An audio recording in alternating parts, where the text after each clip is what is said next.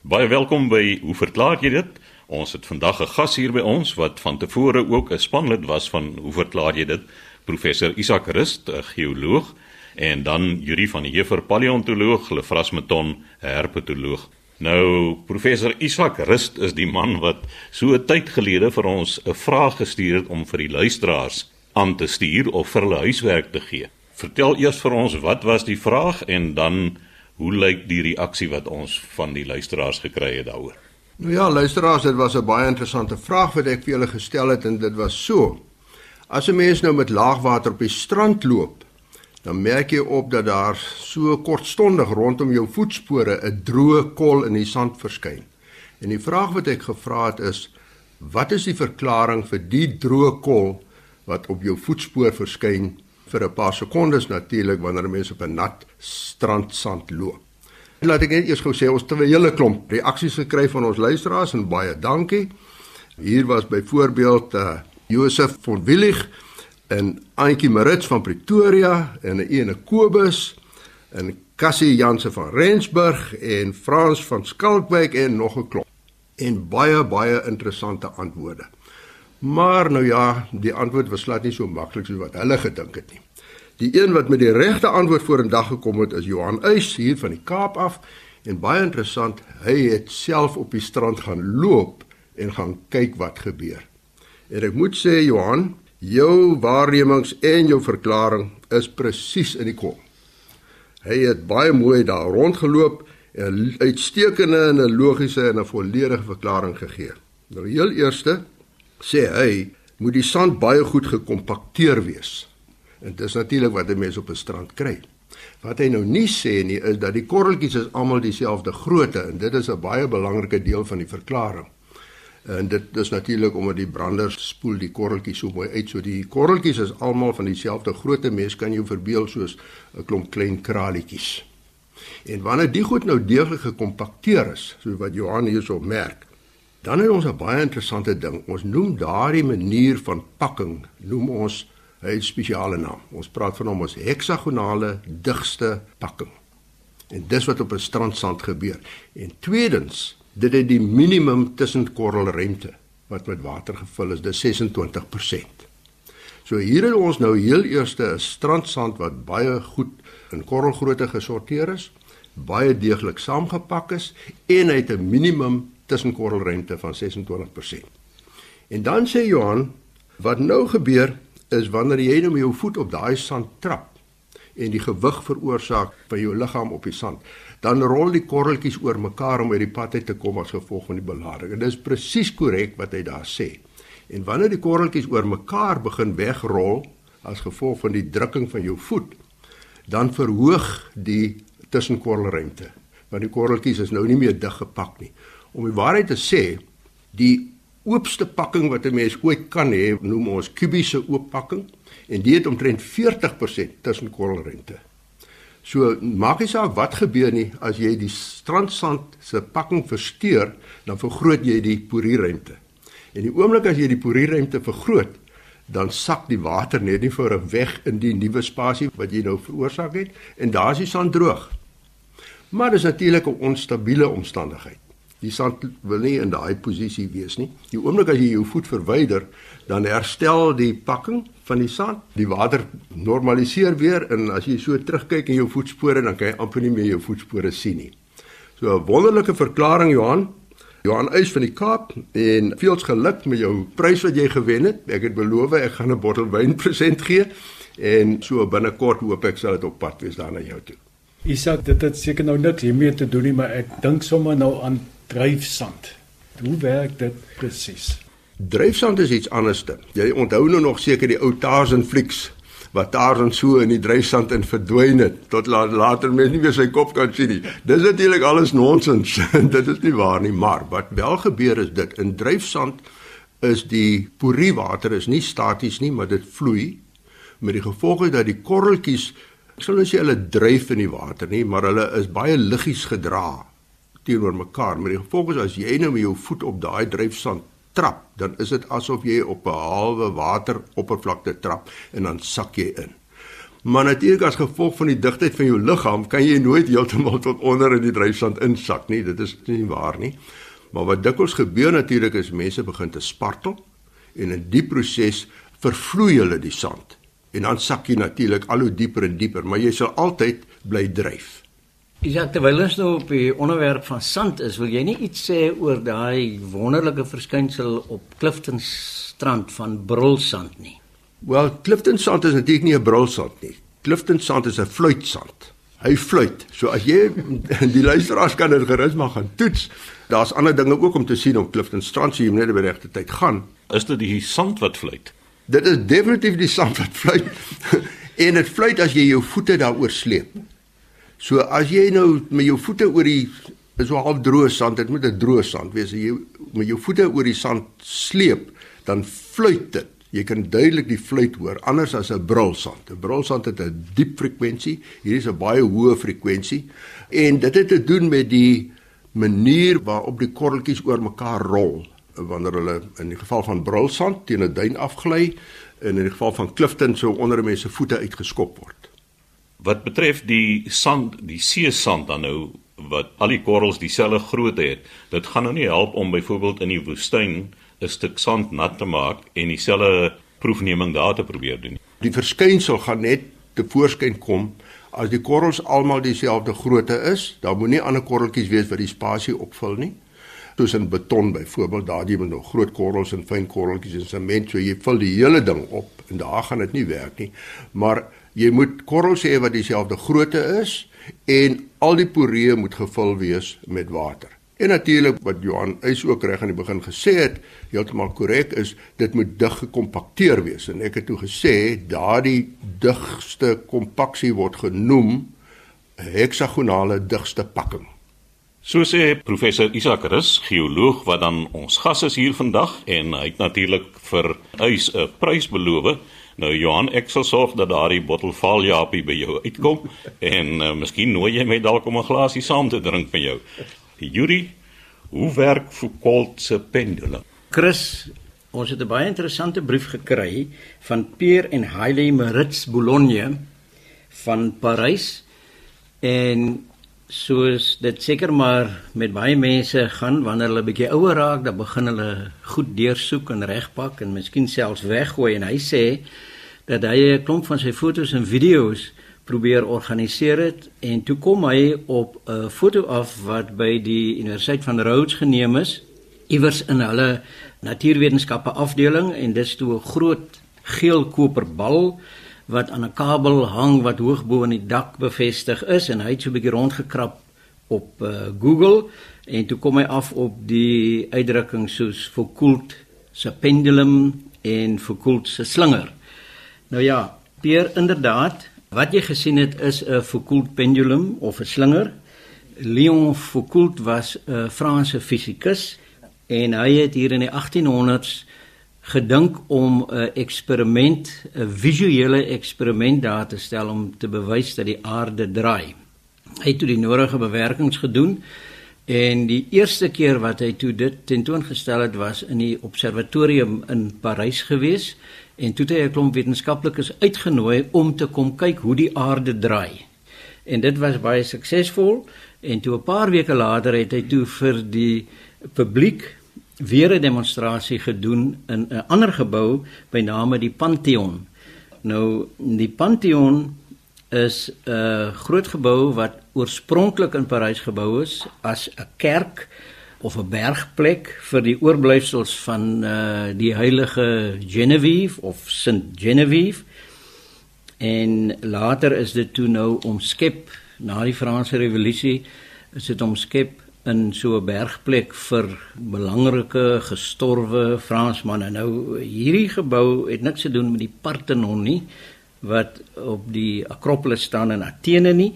Die Pantheon se voorkant is gemodelleer op die Pantheon gebou in Rome. Dit is 'n pilare, maar die belangrikste ding hier vir Foucault was dat reg bo in die middel van die gebou is daar 'n geweldige koepel wat dan die voorportaal van die gebou 'n geweldige hoogte gee. Nou deesdae word die belangrike Franse daar geberg byvoorbeeld uh, Marie en Pierre Curie is daar geberg Alexander Dumas wat die Drie Musketiers geskryf het, Victor Hugo die skrywer, Voltaire en al die manne, Jean-Jacques Rousseau, die lê daar.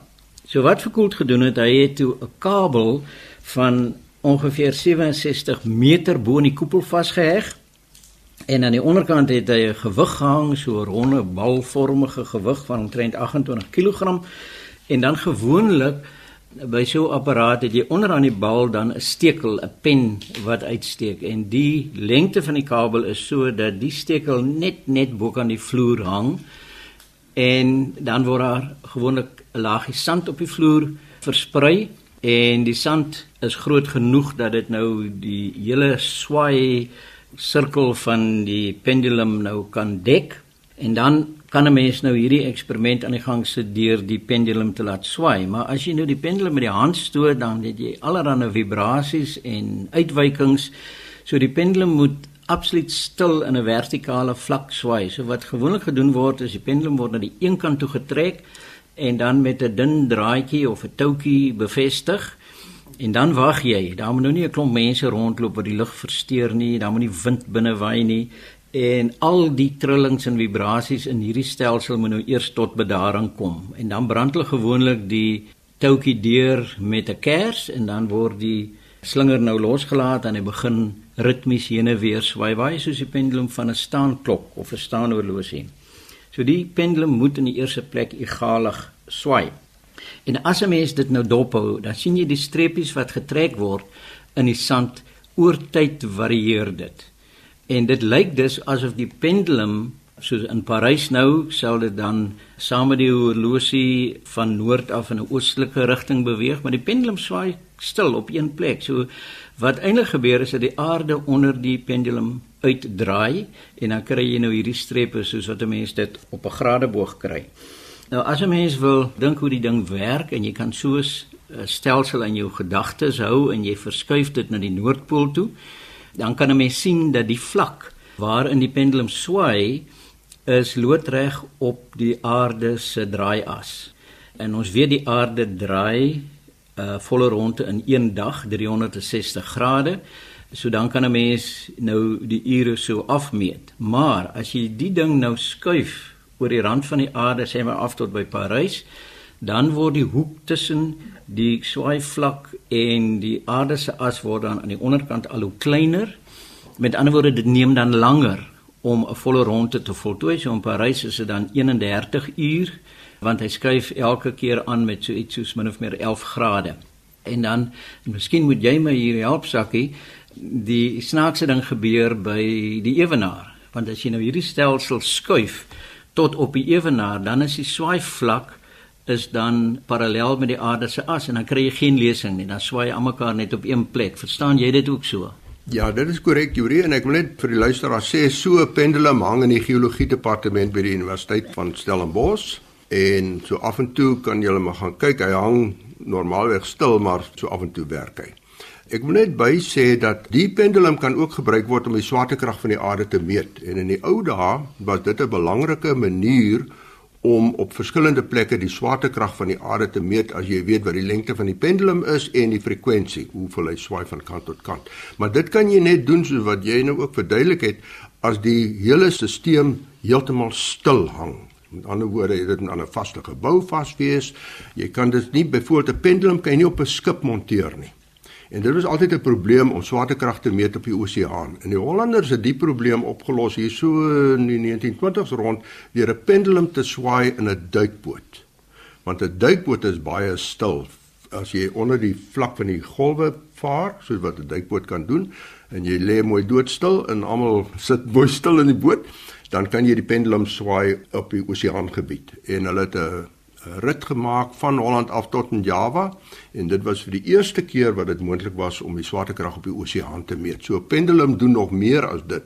Dit nie net wys dat die aarde draai nie, maar 'n mens kan ook die swaartekrag van die aarde meet. Ek is bly jy die uh, pendulum in die geologie departement genoem want dit was nou my volgende stukkie van die bydrae. Ek het nou die dag weer gaan kyk. Die pendulum is inderdaad nog daar dit hang aan 'n lang draad. Die gebou is seker maar uh, in totaal so 3 verdiepings hoog maar dit werk. En daar is nou nie sand in die geologie departement nie. Daar is 'n stoeltjie met 'n stuk papier op wat nou verdeel is in 'n sirkel met onderafdelings. En 'n mens kan inderdaad dit sien. En die insident wat ek wil noem is 'n uh, hele klompe jare gelede het 'n vriend van my wat afgetree is in Houtbaai die gewoonte gehad om altyd Stellenbosch toe te kom en dat hy het nou kom kyk na die kunsmuseum en ons het deur die universiteit geloop en al die goed. Toe eendag toe kom sy vrou is toe al oorlede en toe eendag toe kom hy saam met 'n vriendin van hom en die dame was ook al 'n bietjie oueriger geweest maar sy was 'n kunstenaar. En ons gaan toe geologie departement toe. Ek wys toe vir die fossiele en ons kyk na die pendulum en ons sit die pendulum aan die gang. En ek sê vir hom ons moet so vir 'n halfuur gaan stap en dan kan ons nou terugkom. En ons het na die minerale versameling gekyk, baie interessant al die goed. En toe ons nou so terugkom, ons nader die pendulum, toe vertel ek die storie nou, ek weet nie of dit apokrief is nie, maar in dit is ook opgeteken dat toe Foucault sy pendulum in die openbaar opgestel het in uh, Frankryk. Onthou dit was in die Victoriaanse tyd en die dames het daai dae nog baie baie sterk korsette gedra en uh, soveel so dat geraamtes toon dat die ribbekas permanent na binne ingeduik was. Dit het mediese toestande veroorsaak. Hulle was dikwels kort asem en die soort van goed. Toe word daar vertel dat met die aanskoue van die feit dat die pendulum wys dat die aarde draai was daar van die dames wat hulle bewussyn verloor het en flou geval het by die openbare demonstrasie En toe ons nou aankom, ons drie na die pendulum toe, toe vertel ek die storie van die dames wat flou geword het, sodat toe ek nou die laaste stukkie sê, toe staan ons weer langs die pendulum en die dame kyk toe en sy sien die aarde het inderdaad gedraai. En skielik tree sy agteruit en sy begin wankel en sy sit haar hand voor haar kop en sy sê ek voel ek voel lighoofdig en soveel so dat sy op een van die trappe gaan sit het en tot verhaal moes gekom het oor hierdie eisingwekkende gebeurtenis. So ek neem aan dit was dit gewees en dit het my laat dink oor die mag van suggestie. Nou ja, so sê Yuri van der Heever, ons paleontoloog oor sy toertjie. Volgende aan die beurt, Lefras Meton, herpetoloog. Lefras, hoekom kwak paddas? Chris, ons het 'n vraag ontvang of sal ek eerder sê 'n skrywe ontvang van Anne Marie Henning en sy vra dan 'n vraag namens 'n nawoorde 'n tannie van amper 80 by name Toti Joubert en die woon aan die voet van die Normandin Pas. Ek weet nie of julle weet van die Normandin Pas, maar dis tussen die Vrystaat en KwaZulu-Natal, Newcastle. As blykbaar 'n redelike 'n rowwe pas. Die bietjie wat ek nou opgelees het. Nou die vraag is Sy sê vleipaddas kwak steeds na sonop. En wat sal nou die rede daarvoor wees?